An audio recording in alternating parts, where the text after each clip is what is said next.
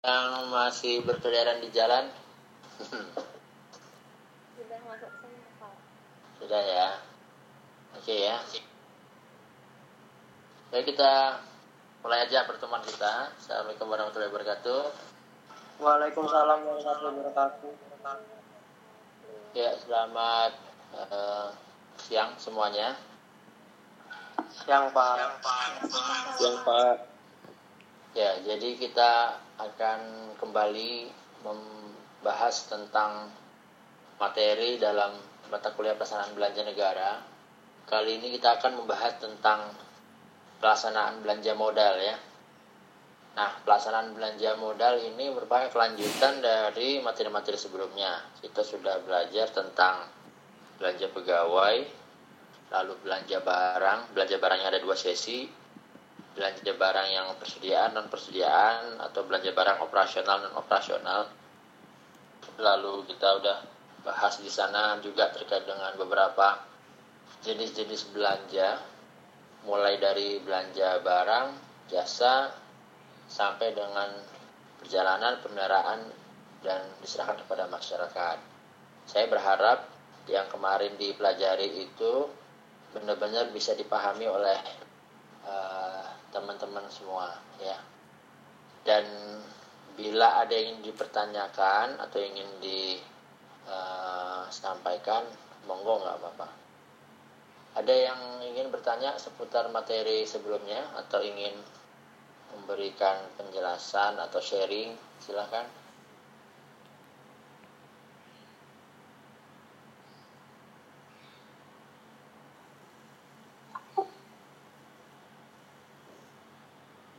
gimana? Ada? Belum Pak. belum ya? Berarti sudah paham semua uh, tentang belanja barang ya? Sudah pak. Itulah ya. Oke ya.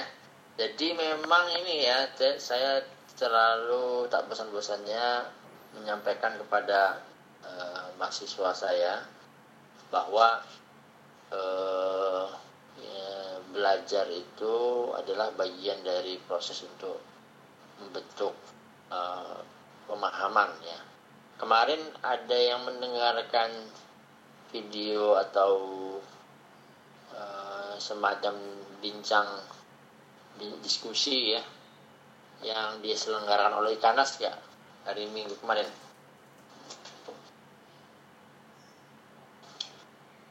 Ada yang ikut kemarin acara Ikanas Saya tidak Pak. Enggak ya. Atau ada yang mendengarkan eh, YouTube-nya terkait dengan kemarin acara apa kemarin? Bincang-bincang tentang PKN STAN ya. Di Kanas ya. Hari Minggu kemarin jam eh Sabtu ya Sabtu sorry Sabtu jam sembilanan ya Gak ada ya Enggak ada Pak. Soalnya waktu itu juga kelas kayaknya Pak. oh gitu, oh, gitu. Iya. Ya.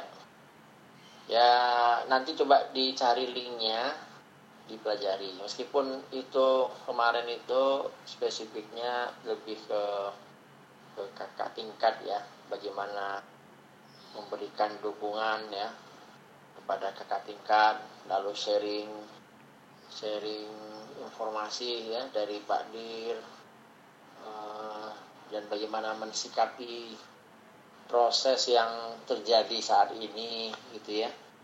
Nah itu coba kalian nanti dengarkan dan di apa ya nggak harus serius sambil sambil santai atau misalnya malam ya, mungkin tidak ada kegiatan sambil mendengarkan itu ya saya kira cukup bagus ya. Nah, kalau di kelas sebelah yang tadi saya ajar sih ada yang mendengarkan. Jadi atensi terkait dengan itu eh, di sana ini. Tapi kalau di kelas ini nggak belum mendengarkan coba nanti kalian cari tahu ya bagaimana sikapmu ya. Nah, saya sih tadi mau sharing tapi karena nggak ada yang nonton ya sudah jadi nggak jadilah.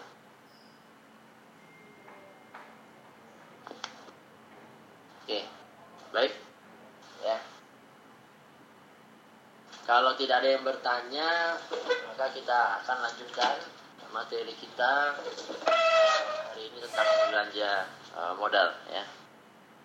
Jadi pelaksanaan belanja modal ini uh, pertama yang harus kita pahami adalah uh, bahwa belanja modal ini adalah merupakan belanja yang menghasilkan aset ya.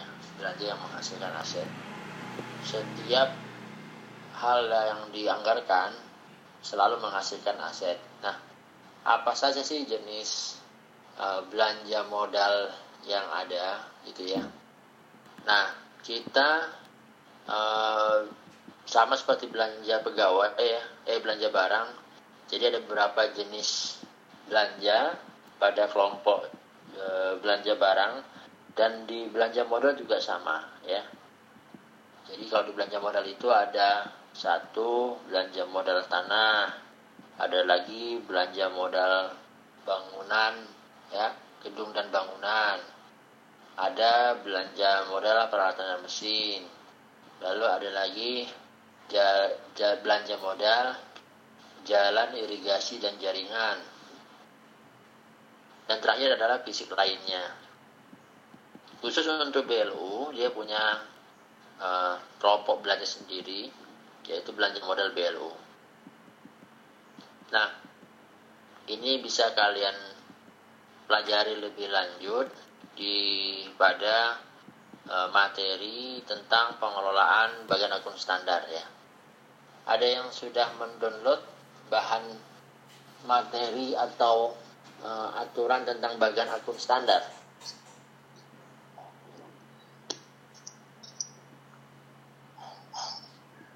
Sudah, Pak. Ya. Kalau yang sudah boleh lapor atau menyampaikan informasinya. Ini Pak. Belanja modal. Ya. Gimana, Mas? Informasi mengenai apa Pak? Bagian akun standar.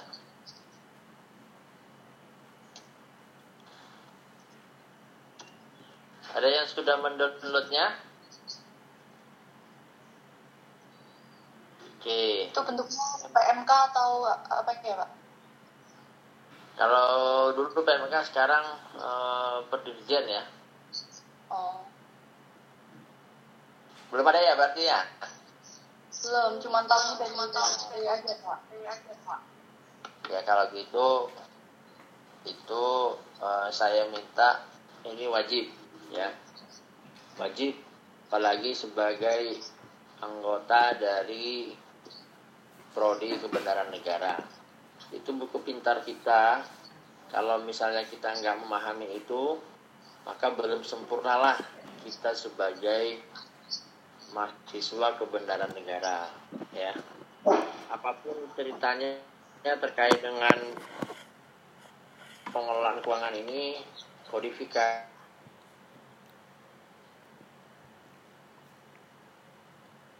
Orang yang selalu ditanya atau atau pegawai yang selalu ditanya terkait dengan itu adalah biasanya yang pernah mempelajari tentang konsep bayar sendiri yaitu di KBN ya. Nah, coba ditingkatkan lagi semangatnya. Uh, uh, ini ya mempelajari itu. Kalau uh, kalian nggak mempelajari itu nggak akan memahami ada perkembangan apa terkait dengan materi saya dan dan sebagainya.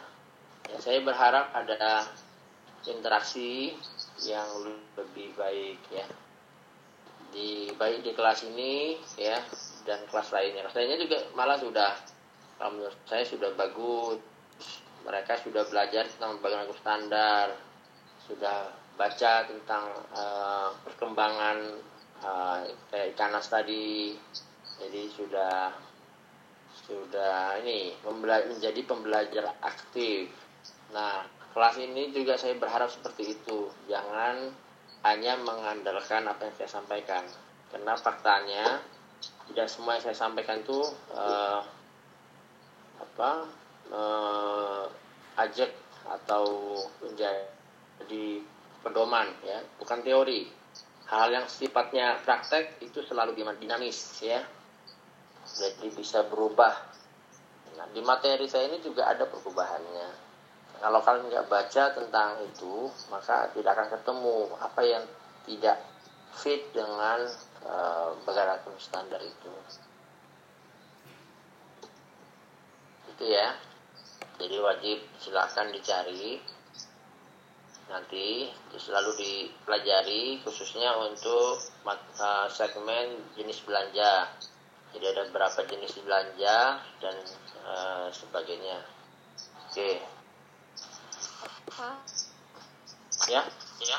Uh, izin bertanya yang ini yang perdirjennya itu uh, keputusan 211 ya Pak tahun 2018. Yang mana itu? Yang mana itu tuh? Yang tentang kodifikasi segmen. Oh ya, itu oh, ya. Yang itu ya Pak. 18 terakhir ya. 18 terakhir ya. Oh, makasih ya. Iya. Makasih Pak. Ya.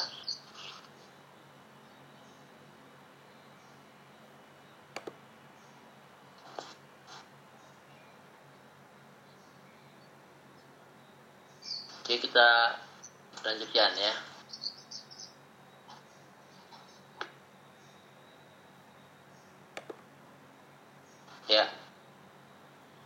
Um, saya masuk dulu ke jenis pembagian belanja modal ya. Nah, belanja modal itu seperti sampaikan tadi ada belanja modal tanah, belanja peralatan mesin, gedung dan bangunan, JIJ, terus ada belanja fisik lainnya BLU ya. Nah di yang lama itu ada sebenarnya ada namanya judulnya belanja pemeliharaan yang dikapitalisasi. Itu akunnya 535 kelompok belanjanya. Nah kalau kalian baca di perdirjen yang tadi disampaikan oleh Erlita di sana tidak ada itu akun 535 coba cek baik-baik ada nggak akun 535 dari 534 langsung lompat ke 536 nah ini akan menjadi pertanyaan kenapa kok 535 nya nggak ada? Padahal dulu ada. Nah ini koreksi saya nih dari dari kelas sebelumnya ya nah, koreksi. Tapi sebenarnya muatannya sebenarnya ada ya. Cuman kodifikasinya yang berubah. Ya di mana perubahannya? Nah kita pahami bersama. Belanja pemeliharaan itu waktu kita belajar tentang belanja bahan eh, belanja barang di sana ada kelompok belanja pemeliharaan ya. Nah konsep awal di akun belanja modal pun itu sebenarnya ada judulnya belanja pemeliharaan yaitu di kelompok akun 535 apa bedanya antara belanja pemeliharaan di barang dan belanja pemeliharaan di e, modal? Kalau belanja pemeliharaan di barang itu adalah pemeliharaan-pemeliharaan yang tidak menambah e, umur ekonomis dan masa manfaat. Kemarin kalau nggak kita saya kita saya kasih contoh mobil, mobil, kemudian ada belanja pembelian bensin, lalu ada perawatan oli dan sebagainya. Itu tidak menambah umur manfaatnya, tidak menambah uh, ekonomi, umur ekonomisnya, tidak menambah masa manfaatnya, sehingga untuk pembelian bensin, penggantian oli itu masuk sebagai belanja pemeliharaan belanja barang. Nah, kalau mobil itu dipakai, dipelihara seperti tadi, kemudian misalnya masa kerja mobil itu atau depresiasinya itu misalnya 6 tahun. Jadi tahun ke-6 mobil itu harusnya bernilai 0 sehingga bisa dihapus. Nah karena dia 6 tahun ada dua keputusan nanti apakah dihapus atau diperba, diperpanjang umur ekonomisnya atau masa manfaatnya. kalau diperpanjang umur ekonomis atau masa manfaatnya maka mobil ini harus direnovasi besar atau di servis besar. Overhaul ya. Jadi harus di overhaul nah begitu di overhaul kemudian dia menjadi lebih baik lagi mobilnya maka mobil apa uh, umur uh, apa namanya maka mobil itu sudah memiliki masa manfaat. Ya, berapa besarannya? Ya sebesar nilai yang di overhaul tadi. Bukan sebesar nilai mobil karena nilai mobil kan sudah nol. Jadi sebesar nilai yang di overhaul. Misalnya nilai overhaulnya 5 juta maka harga mobil itu adalah sebesar 5 juta ya. Nah ini belanja konsep belanja pemeliharaan di belanja modal namun di per 211 di ke eh, Dirjen Pemeliharaan 211 menyebutkan bahwa untuk belanja pemeliharaan eh, kapitalisasi sudah tidak disendirikan tapi dimasukkan ke dalam beberapa kelompok belanja. Nah, kalau kita lihat misalnya belanja peralatan dan mesin ya, coba lihat di uh, ininya materinya apa di uh, cap 211-nya. Nah, di sana ada akun sendiri yang isinya adalah belanja penambahan nilai peralatan dan mesin. Maka ini sebenarnya adalah belanja pemeliharaan, namun sekarang digabungkan ke dalam kelompok atau jenis belanja yang melekat pada belanja modalnya, yaitu peralatan mesin. Sama juga gedung bangunan, ada juga di sana jenis belanja e, penambahan nilai gedung dan bangunan, ya. Sama juga dengan JIJ juga sama. Bahkan modal lainnya pun ada, ya. Seperti itu. Oke, bisa dipahami? Bisa, Pak. Cukup jelas ya. Jadi kalau misalnya nanti ditanya bagaimana membedakan belanja pemeliharaan yang dialokasikan pada belanja barang dengan belanja pemeliharaan yang dialokasikan daripada belanja modal, maka kalian harus bisa menjelaskan itu. Oke, sampai sini ada yang mau tanya?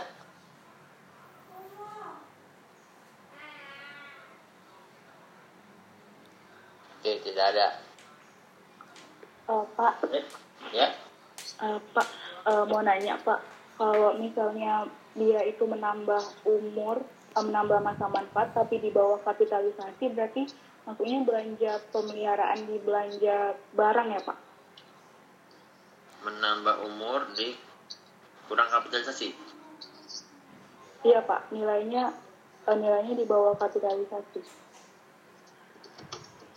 Ya, jadi syarat kapitalisasi kan nilainya tadi uh, berapa? Uh, 10 juta ya. 10 juta. Lalu ada lagi yang eh, uh, 25 juta untuk gunung dan bangunan ya. Jadi ada dua untuk nilai kapitalisasi. Nih. Eh, satu juta ya, salah satu juta, satu lagi untuk dan bangunan 25 juta. Bagaimana kalau ada belanja modal yang nilainya kurang dari itu, ya? Ya, yang jelas uh, tetap berlaku ya. Uh, jenis belanja apa uh, belanjanya akan masuk ke dalam belanja barang, ya. Dalam belanja barang. Cuman gimana kalau mobil yang sudah lewat masa manfaatnya, lalu ada belanja untuk me, apa namanya merekondisi kembali sehingga nilainya jadi kurang dari apa dan nilainya kurang dari satu juta. Nah pertanyaan saya ya ada nggak sih pengeluaran yang dia itu e, merupakan pekerjaan besar ya turun mesin misalnya ya atau e, ganti ban atau misalnya uh, apa kaki-kaki kaki-kaki mobil itu ya nilainya kurang dari sejuta saya kira nggak nggak nggak ada ya. Jadi bisa kita simpulkan sebenarnya sangat tidak memungkinkan ada belanja yang apa pemeliharaan yang nilainya kurang dari kapitalisasi yang menambah masa umur manfaat. Ya. Atau barangkali Mbak Sari kalau punya boleh disampaikan apa contohnya misalnya. Ya. Maka di sini uh, dia tetap menjadi masuk ke dalam belanja modal. Gitu Mbak Sari? Iya Pak. Oke Pak. Makasih. Ya. Ya biasanya kan menghitungnya kan dilihat dari kompleksitas pekerjaan ya. Misalnya kalau uh, apa uh, apa pekerja barang fisik yang yang ini? Kalau misalnya kayak dispenser kemudian rusak lalu biaya perbaikannya itu sama dengan beli baru maka ya sebaiknya ya tidak melakukan perbaikan.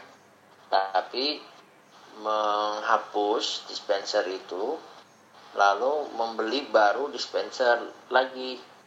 Karena dispenser nilainya kurang dari satu juta maka dia bisa masuk dalam kelompok belanja barang ya. Jadi belanja barang bisa masuk di sana. Itu ya. Jadi tidak dialokasikan dalam belanja modal. Oke. Baik kita lanjutkan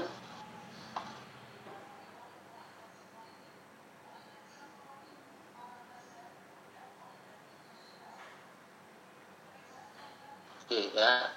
Jadi itu kita masuk ke segmen ini ya. Segmen alokasi anggaran ya. Jadi kalau kita bicara belanja modal seperti saya bilang tadi kita nggak akan terlepas dengan namanya aset ya aset tetap ya. Jadi hal yang perlu disepakati berkaitan dengan aset ini adalah yang pertama ya bagaimana perolehan asetnya aset yang diperoleh dari pihak ketiga atau supplier atau yang diperoleh secara swakelola. Ya, yang kedua yang menjadi hal yang perlu kita pahami adalah bagaimana nilai aset itu dalam memberi manfaat ya atau tidak. Ya. Lalu yang ketiga terkait dengan kapitalisasi. Kalau ini sih sudah selesai ya terkait dengan kapitalisasi. Oke. Sekarang kita bicara tentang nilai aset. Nah, nilai aset atau nilai perolehan itu ya, itu bisa kita bagi menjadi dua jenis. Yang pertama adalah nilai perolehan yang diambil dari nilai belinya. Jadi misalnya beli kendaraan bermotor harganya 500 eh, eh, berapa? Eh, taruh 20 juta kendaraan bermotor roda 2 ya, 20 juta. Kemudian eh, tidak memerlukan pengantaran, tidak memerlukan pengiriman eh, kurir dan macam-macamnya. Sehingga untuk belanja eh, tadi kendaraan bermotor tadi itu maka kita bisa ambil nilai perolehannya dari harga belinya. Jadi 20 juta tadi. Nah, bagaimana dengan yang tidak ada harga belinya? Contoh misalnya ada pembangunan uh, tugu di daerah perbatasan ya. Nah, dikerjakan dengan cara swakelola. Maka ketika itu dikerjakan secara swakelola, si satker harus bisa mempertimbangkan mana yang masuk belanja belanja yang yang mendukung nilai perolehannya. Contoh misalnya kalau swakelola berarti ada upah gaji, ada biaya perjalanan mungkin, ada konsultansi, ada misalnya ongkos angkut dan macam-macamnya. Itu semua pendekatannya perolehannya diambil dari penghitungan semua biaya yang dikeluarkan hingga aset tersebut bisa digunakan. Ya, jadi ada dua. Kemudian apa itu kapitalisasi? Ya, kapitalisasi adalah tahapan ya dalam penentuan belanja ya. Dalam penentuan belanja untuk selanjutnya terkait dengan pengadaan barang dan aset. Nah, kapitalisasi sebenarnya adalah bagian dari validasi ya. Apa yang divalidasi ya? Yang pertama ya terkait dengan barang itu, apakah menambah umur atau tidak. Ya. Yang kedua ya terkait dengan uh, anggaran uh, belanja itu bisa mengakibatkan pertambahan kapasitas seperti ruang ya terus standar bahkan volume aset. Kemudian uh, untuk melihat ya berapa sih nilai minimum kapitalisasi dan untuk uh, mempersiapkan terkait dengan pengadaan barang dan jasanya? Ya itu kapitalisasi. Oke. Jadi ini yang berkaitan dengan alokasi ya. Coba kalian uh, pindah ke slide yang berkaitan dengan ini. Slide nomor 21 ya, slide 21. Coba lihat. Ya, pada slide 21 kita lihat ada namanya sinar RKBMN ya, RKBMN. Uh, eh, coba Fania, Fania ada. Tes. Ya, Fania, coba baca dong. Penyusunan RKBMN Perencanaan kebutuhan BMN adalah kegiatan merumuskan rincian kebutuhan BMN untuk menghubungkan pengadaan barang yang telah lalu dengan keadaan yang sedang berjalan sebagai dasar dalam melakukan tindakan yang akan datang. Rencana kebutuhan barang milik negara yang selanjutnya disingkat RKBMN adalah dokumen perencanaan BMN untuk periode tahun. Hasil penelaahan RKBMN adalah dokumen penelaahan RKBMN dengan antara pengguna barang dan pengelola barang. Oke, ya jadi ini saya dahulukan kenapa? Karena ini merupakan bagian dari penetapan alokasi. Ya. Jadi kalau kita mempelajari atau kalian sudah pahami bersama, kalau kegiatan perencanaan anggaran biasanya kan ada usulan kegiatan, gitu ya.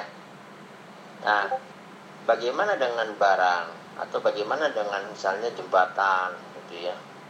Jembatan atau bangunan gedung kantor atau peralatan mesin laptop motor atau hal lainnya yang spesifik misalnya kayak kapal selam pesawat terbang dan macam-macam. Nah itu semua adalah jenis-jenis aset.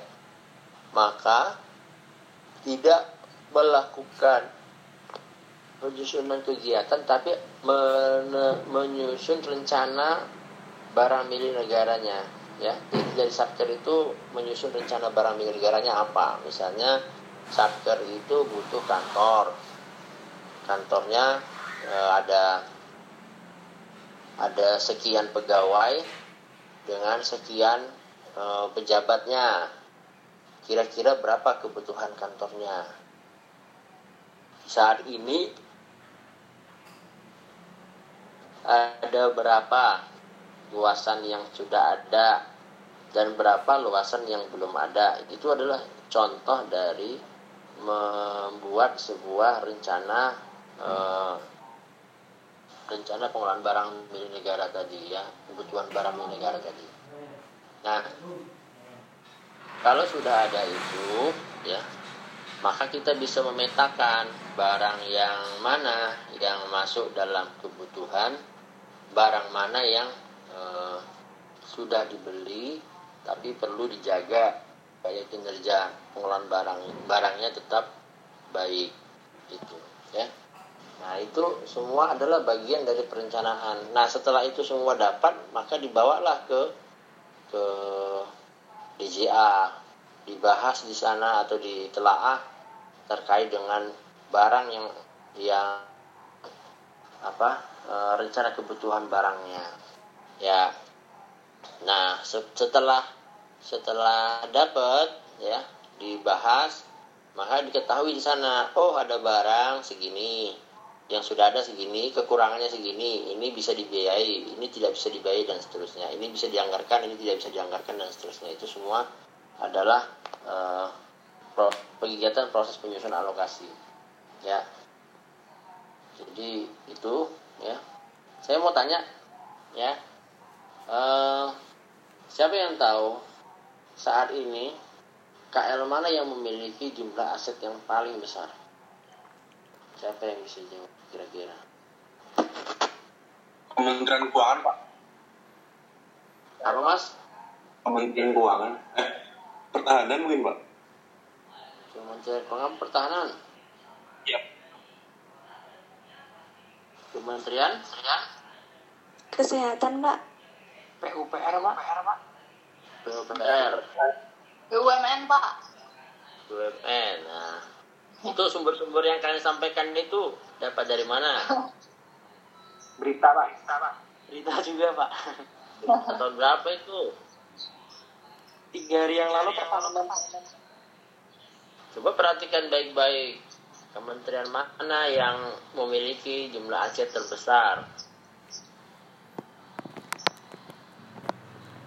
Pertahanan, pertahanan. ya bukan keuangan bukan kesehatan ya tapi adalah kementerian pertahanan ya dia memiliki aset terbesar yang kedua siapa PUPR. PUPR, Pak. Yang kedua PU PR. PUPR oke ya. Jadi itu contohnya ya. Kementerian yang yang banyak. Yang ketiga siapa? Yang ketiga? Kementerian Sekretariat Negara. Kementerian Sekretariat Negara. Ya jadi sudah sudah kita lihat sama-sama ya. Tapi signifikannya di tingkat di ranking 1 dan 2 tadinya BUPR itu tahun lalu merupakan aset terbesar. Tapi ternyata tahun ini setelah revaluasi ternyata Kementerian Keuangan yang memiliki aset terbesar. Gitu ya. Nah, kalau sekjen dia menjadi tiga besar karena dia punya stadion itu apa eh, Gelora Bung Karno GBK dia punya GBK. Jadi GBK itu adalah aset negara yang dikelola oleh Kementerian Sekretariat Negara. Maka saat ini aset terbesar atau tertinggi yang dimiliki oleh eh, Indonesia ya dibanding dengan satker-satker lainnya adalah GBK. Ada yang sudah atau belum pernah ke GBK? Siapa coba angkat tangan atau jawab? Saya belum, Pak. Belum Pak. Berapa?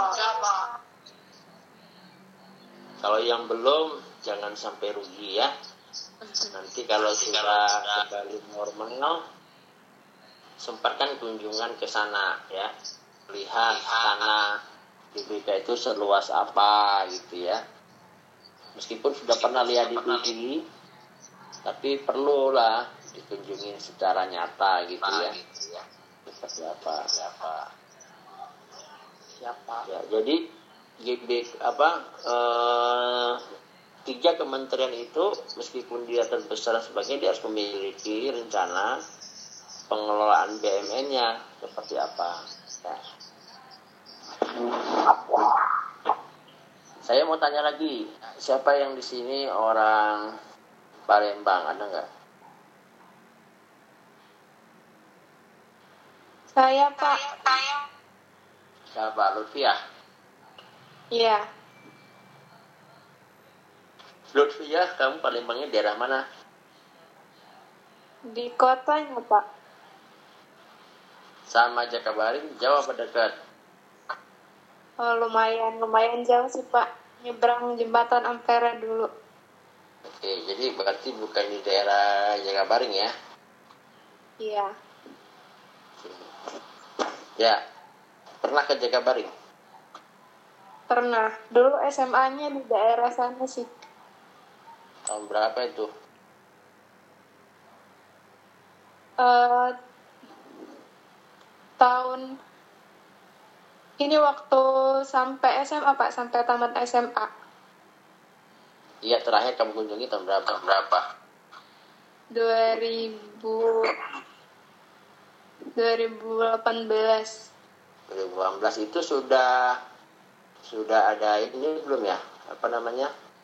Hmm, Asian Games. Kalau nggak salah itu udah mulai persiapan, Pak.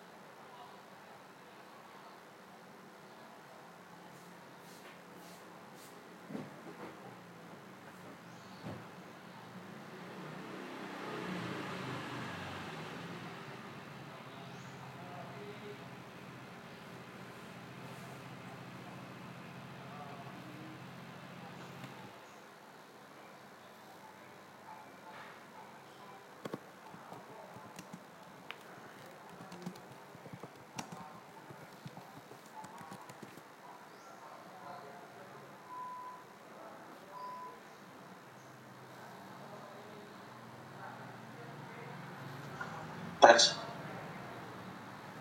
Oke, tadi suara saya keputus ya? iya pak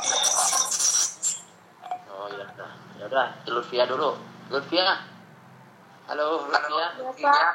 Iya. Ya gimana? Kamu ikut nonton Asian Games nggak di Jakabaring? Kemarin tuh kalau nggak salah pas banget udah mulai persiapan masuk kuliah, Pak. Jadi belum nggak sempat ikut. Jadi nggak sempet ya? Iya. Luas nggak sih? Luas nggak sih? Sports Center Jakabaring. Iya, luas banget sih, Pak. Kalau mau dikelilingin banget tuh harus pakai mobil. Ya, bisa dibayangin ya, kalau mau dikelilingi, Jakabaring itu harus pakai mobil. Kurang lebihnya GBK juga hampir sama seperti itu ya. Kalau misalnya ada yang belum pernah ke sana nanti bolehlah ke sana ya. Tapi intinya adalah di GBK itu eh, cukup luas dan banyak sekali ya bangunan-bangunannya. Nah, yang menarik kalau kita bicara tentang belanja modal adalah ketika ada Asian Games, pemerintah berupaya bagaimana supaya kebutuhan terkait dengan sarana olahraganya semua tercapai secara baik. Namun itu berbanding terbalik ketika sudah selesai penyelenggaraan Asian Games. Kalau misalnya kalian lihat, ya tidak ada tanaman yang eh, atau apa namanya eh, aktivitas yang berarti di sport center Jakabaring. Bener nggak Lutfia? Gimana, Pak? Tidak terlalu banyak sport center apa aktivitas di sport center Jakabaring bener nggak? I- Ya, karena terakhirnya kamu belum pernah ke sana lagi ya?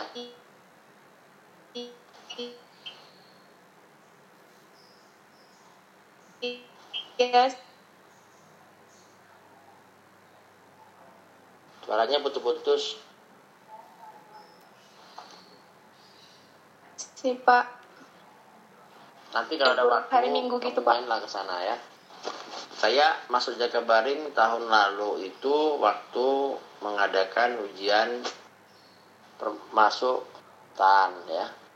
Karena ada tes kesehatan, maka salah satu pilihannya adalah eh, Stadion Jakabaring ya. Ketika saya masuk, memang kesannya itu luas sekali ternyata Jakabaring itu. Ya, ke mana-mana harus pakai kendaraan. Jalan kaki capek ya. Nah, tapi yang bikin miris apa? Sarana prasarana yang sudah ada itu perlahan-lahan mulai rusak. Ya, mulai rusak. Karena apa? Karena eh, ya tidak satu tidak dipergunakan, ya. Yang kedua mungkin ada juga mungkin permasalahan dalam penyediaan eh, apa? eh, belanja pemeliharaannya karena kan itu stadionnya besar besar kelasnya internasional mau nggak mau pemeliharaannya juga harus tinggi itu biaya pemeliharaannya ya nah itu menjadi PR ya bagi negara kita khususnya. Karena se- sering kali kita melakukan hal itu dan berulang-ulang kali tanpa ada perbaikan yang signifikan. Apa yang berulang-ulang itu? Ya kita sering mengadakan atau membuat belanja-belanja modal baru. Tapi sangat sedikit dari belanja modal yang dibelanjakan itu dapat dijaga kondisinya sampai umur ekonomisnya berakhir. Nah itu belum ya. Jadi e, miris ya. Itu kalau kalian ke sana e, kemudian masuk ke stadion atletiknya itu e, lantainya atau e, track untuk larinya itu itu luar biasa standar internasional ya sangat nyaman sekali ya. Tidak berdebu karena dia solid dengan lantainya tapi ada batu-batunya. Dan di bawah batu itu ada kayak semacam ruang gitu kita injak itu.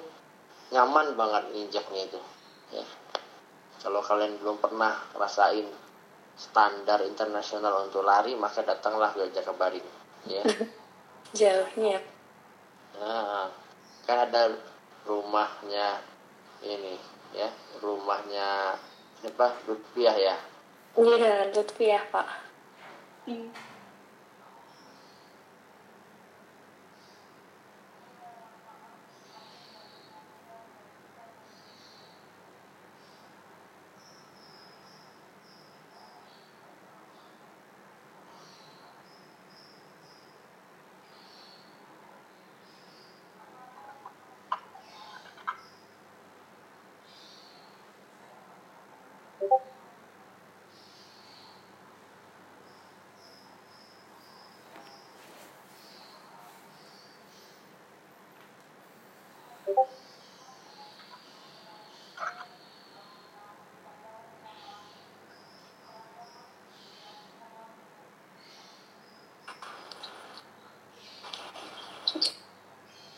cek cek ada suara cil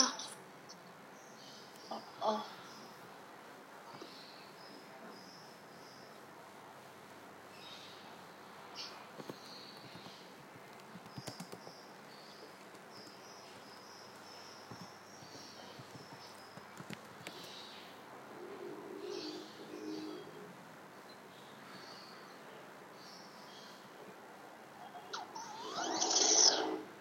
ada peralatan perang lalu ada gedung pos mantau macam-macam itu ya di Kemenhan. Tapi apakah pemerintah bisa menyediakan biaya pemeliharaan untuk seluruh jenis pesawat seluruh jenis kendaraan tempur dan macam-macamnya termasuk dunia bangunannya? Tidak cukup ya. Maka yang bisa dilakukan adalah prioritas ya bagaimana membuat mana yang lebih domi apa diutamakan ya. Nah kalau gitu pesawat kita banyak yang tidak dipelihara. Iya. Banyak. Helikopter berapa banyak helikopter yang minim biaya pemeliharaannya? Ada tapi cuma minim ya. sedikit tidak bisa mengcover secara keseluruhan. Maka salah satu biasanya kalau ada kecelakaan baik itu pesawat helikopter dan macam-macamnya salah satunya adalah karena peralatannya sudah tua dan minim pemeliharaan. Itu ya. Nah itu menjadi PR sebenarnya bagi kita ya. Kalau di stan gimana di stan? Di stan itu ada gedung gedung C dan gedung D. Umurnya itu lebih tua dari uh, saya lama saya kerja.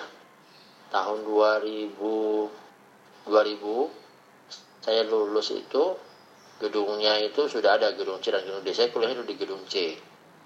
Nah, umurnya itu sekarang sudah lebih dari 40 tahun itu gedung. Nah, di dalam aturan kita umur ekonomis gedung itu ditetapkan adalah 40 tahun. Jadi kalau misalnya umurnya lebih dari 40 tahun maka gedungnya harus dihapus, dirubuhkan atau direkondisikan. Jadi di dibangun direhabilitasi berat ya jadi misalnya melihat apa namanya melihat struktur bangunannya terus keretakannya lalu uh, ada penurunan penurunan beban enggak dan seterusnya. Ya. Nah, harusnya itu sudah, sudah kalau di luar negeri, ya misalnya di yang ketat dengan pengelolaan BMN, harusnya gedung-gedung kayak gitu sudah masuk dalam gedung-gedung dalam pengawasan, ya. Kalau nggak dihancurkan ya berarti dia harus di, diperbaiki sedemikian rupa. Nah itu, ya. Jadi, eh, jadi di sini ada dua hal yang harus kita pelajari dalam menyusun alokasi. Yang pertama adalah kebutuhan BMN itu sendiri. Kalau tidak ada, maka kita harus beli. Yang kedua adalah pemeliharaan dari BMN yang sudah dimiliki, ya. Nah, itu yang yang menjadi hal-hal penting dalam menyusun daftar alokasi. Oke, alokasi sudah ada yang mau tanya nggak sampai sini?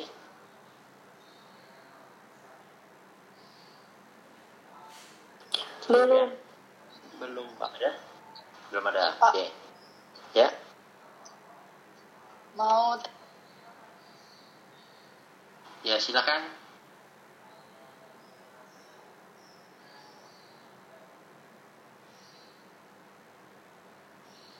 Halo? kedengeran nggak Pak? Nah, ini kedengaran. Oke, silakan. Oh ya. Kalau tadi itu kalau kalau di pengelolaan aset di semua negara itu kan penting ya Pak. Nah katanya tuh Indonesia eh, waktu saya lihat webi, salah satu webinar gitu eh, ad- ad- ada Indonesia tuh masih tertinggal gitu Pak pengelolaan asetnya. Nah itu tuh cara cara apa memaksimalkan aset tuh gimana sih Pak? Caranya supaya termanfaatkan dengan baik tuh. Soalnya kayaknya kan kalau barang diam gitu kalau nggak disewakan ya diapain gitu Pak? Apa ada cara lain Pak? Makasih Pak. Tidak. Terima kasih Mbak. Siapa tadi? Mbak Priscila ya? Iya Pak. Ya. Oke, ya. Jadi eh gimana sih? Ya mem- memang benar dan faktanya memang seperti itu. Jadi kita eh, punya banyak aset tapi minim dalam pemanfaatan, ya. Contoh contohkan tadi aja gedung apa eh, kompleks olahraga eh, Jakabaring itu, ya. Jadi waktu sana saya selama satu minggu saya berkeliling ada satu gedung yang menarik perhatian saya itu gedung eh, apa medical center medical center jadi medical center ini sebenarnya eh, fungsinya adalah untuk menerima keluhan sakit dari para peserta Asian Games waktu itu ya. Terus eh, untuk perawatan pertama misalnya ada kecelakaan dan sebagainya ya. Nah ketika saya di sana gedung medical center ini Nah, gedungnya saya, saya gambarkan dulu gedungnya. Gedungnya ini eh, cukup bagus, ya, dua tiga lantai, kemudian tempat parkirnya cukup luas, gitu. Tapi ketika saya ke sana, itu gedung nggak berpenghuni, ya, tidak ada aktivitas apa pun di sana. Nah, ini salah satu bagaimana negara kita kurang mengoptimalkan eh, bagaimana apa gedung-gedung kita. Kalau menurut saya harusnya kayak gitu tuh tinggal dibuat eh, tim teknis ya. Bagaimana upaya pemanfaatannya, misalnya mengaktifkannya sebagai paskes kan, pas eh, fasilitas kesehatan tingkat pertama. Jadi dibikin aja di sana unit kesehatan Jakabaring. Kemudian masyarakat bisa berobat di sana. Karena di di sekitar Jakabaring itu banyak kampung-kampung ya banyak perumahan. Itu ya.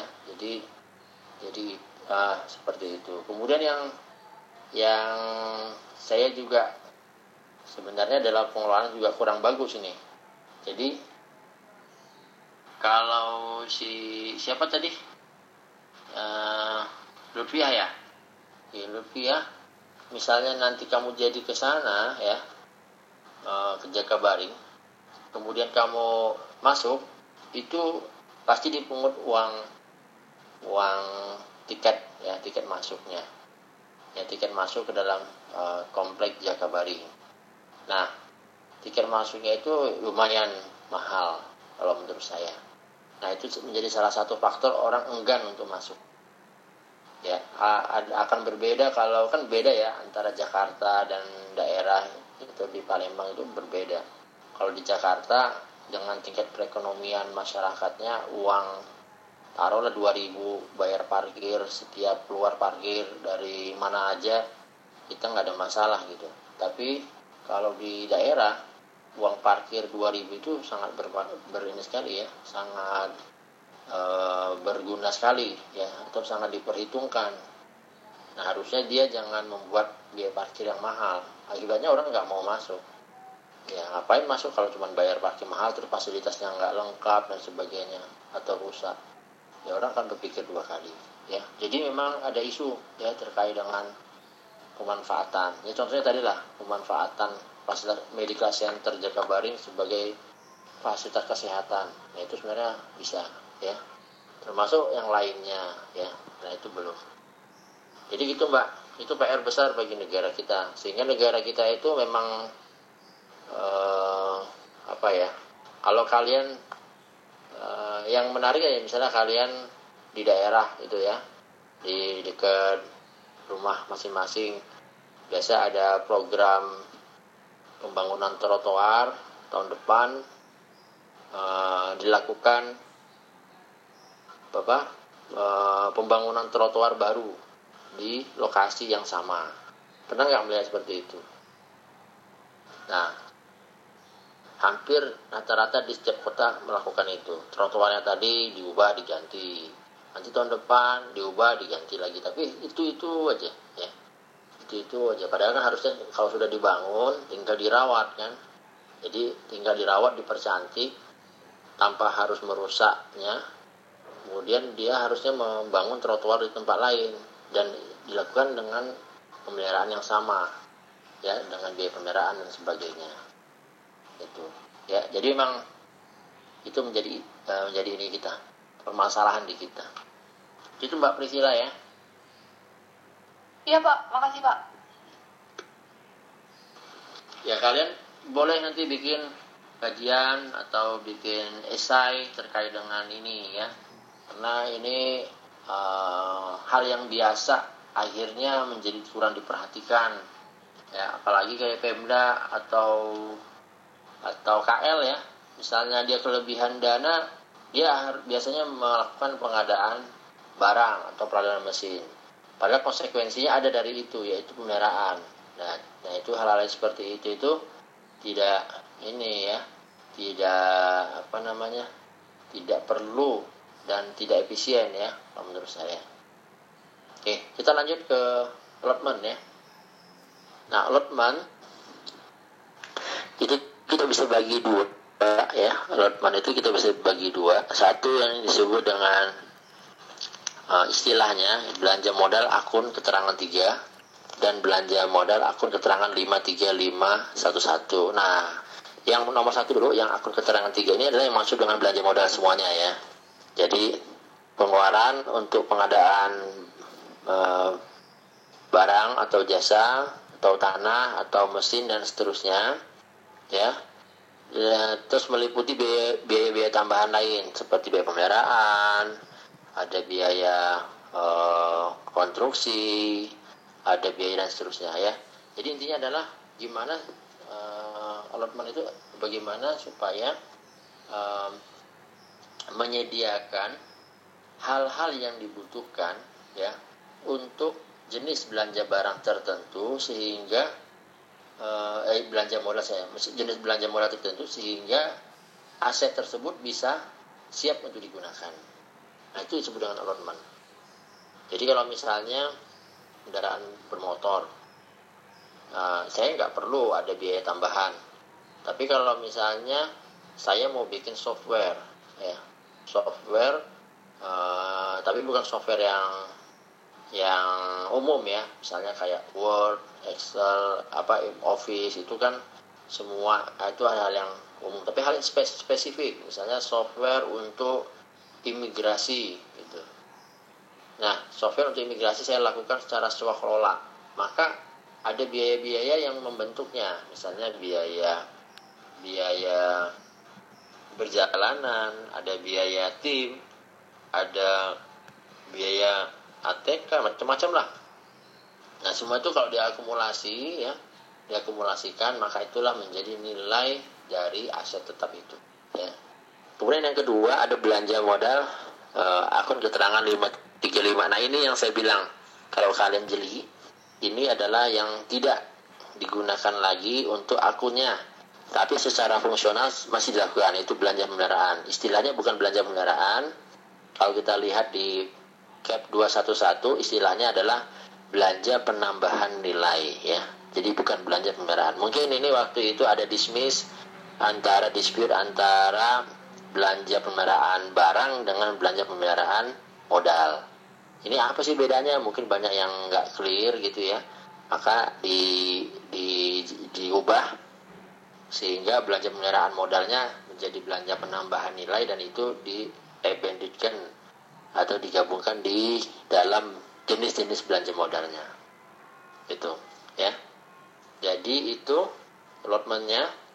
Maka kalau kita bicara tentang akun pemeliharaan kita bicara tentang uh, berapa besar pemeliharaannya ya. Nah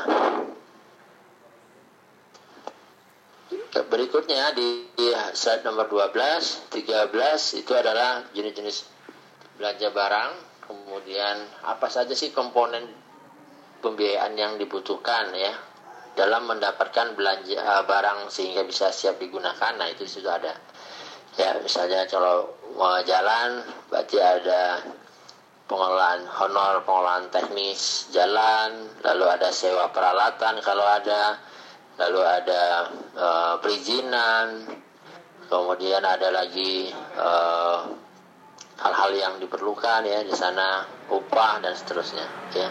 Jadi ini hal-hal yang disebut jadi intinya adalah semua ini kalau di allotment disusun di di di di apa namanya di tempat-tempatkan gitu ya sehingga dia bisa menjadi membentuk satu aset dengan nilai perolehannya dihitung dari berapa besaran yang dibutuhkan tadi. Gitu ya. Sedangkan untuk belanja yang pemeliharaan itu ada banyak di sini tapi ini sudah berubah menjadi belanja uh, apa uh, penambahan nilai ya. Jadi belanja penambahan nilai ada aset tetap lainnya ada penambahan nilai modal uh, apa aset peralatan mesin bangunan bangunan dan seterusnya. Oke itu allotment ada pertanyaan sampai sini? Terkait dengan Lutman? Pak mau tanya Pak. Berarti Pak berarti Ya, siapa dulu? Ya, siapa dulu? Rizal dulu deh. Oh, dulu deh. Ya, ya. Ya deh. Ya deh. Eh, coba tanya ya Pak, kalau berarti kalau menulis uh, honor itu tetap honor pengelola teknis, tapi dia uh, berarti kita tahunya dia modal kalau cuman dia doang sendiri berdiri sendiri gimana ya Pak? Apakah itu masuk di sub sub sub belanja gitu Pak? Terus atasnya uh, modal pokoknya, maksudnya total total belanja modalnya gitu Pak? Atau gimana Pak? Ya, jadi misalnya uh, kita bicara tentang honor ya honor nah kita kan kemarin udah bicarakan bahwa kalau untuk honor itu bisa dialokasikan di dua tempat. Satu belanja pegawai. Kalau honornya itu berkaitan dengan uh, eh, ASN KSN lah ya. Honor pengelola ujian dan macam-macam. Ada juga belanja honor yang dialokasikan di belanja barang. Itu yang berkaitan dengan banyak ada pengelolaan keuangan ada pelaksanaan kegiatan dan macam-macamnya. Nah bagaimana dengan uh, honor untuk belanja modal ya. Honor untuk uh, belanja modal. Nah honor untuk uh, belanja modal ya. Jadi kalau misalnya uh, kita mau bikin uh, apa uh, apa ya misalnya contoh mesinnya apa ya yang yang butuh pekerjaan teknis. Ya biasanya mesin-mesin yang punya spesifikasi khusus lah ya.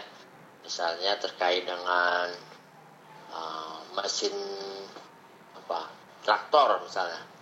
Ya traktor. Nah supaya kita tahu ya uh, kualifikasi kemudian perawatan traktor itu ya atau uh, apa pun yang berkaitan dengan uh, yang uh, hasil pemikiran ya maka kita menyediakan honor. Nah di mana ditaruh honornya? Ya honornya ditaruh di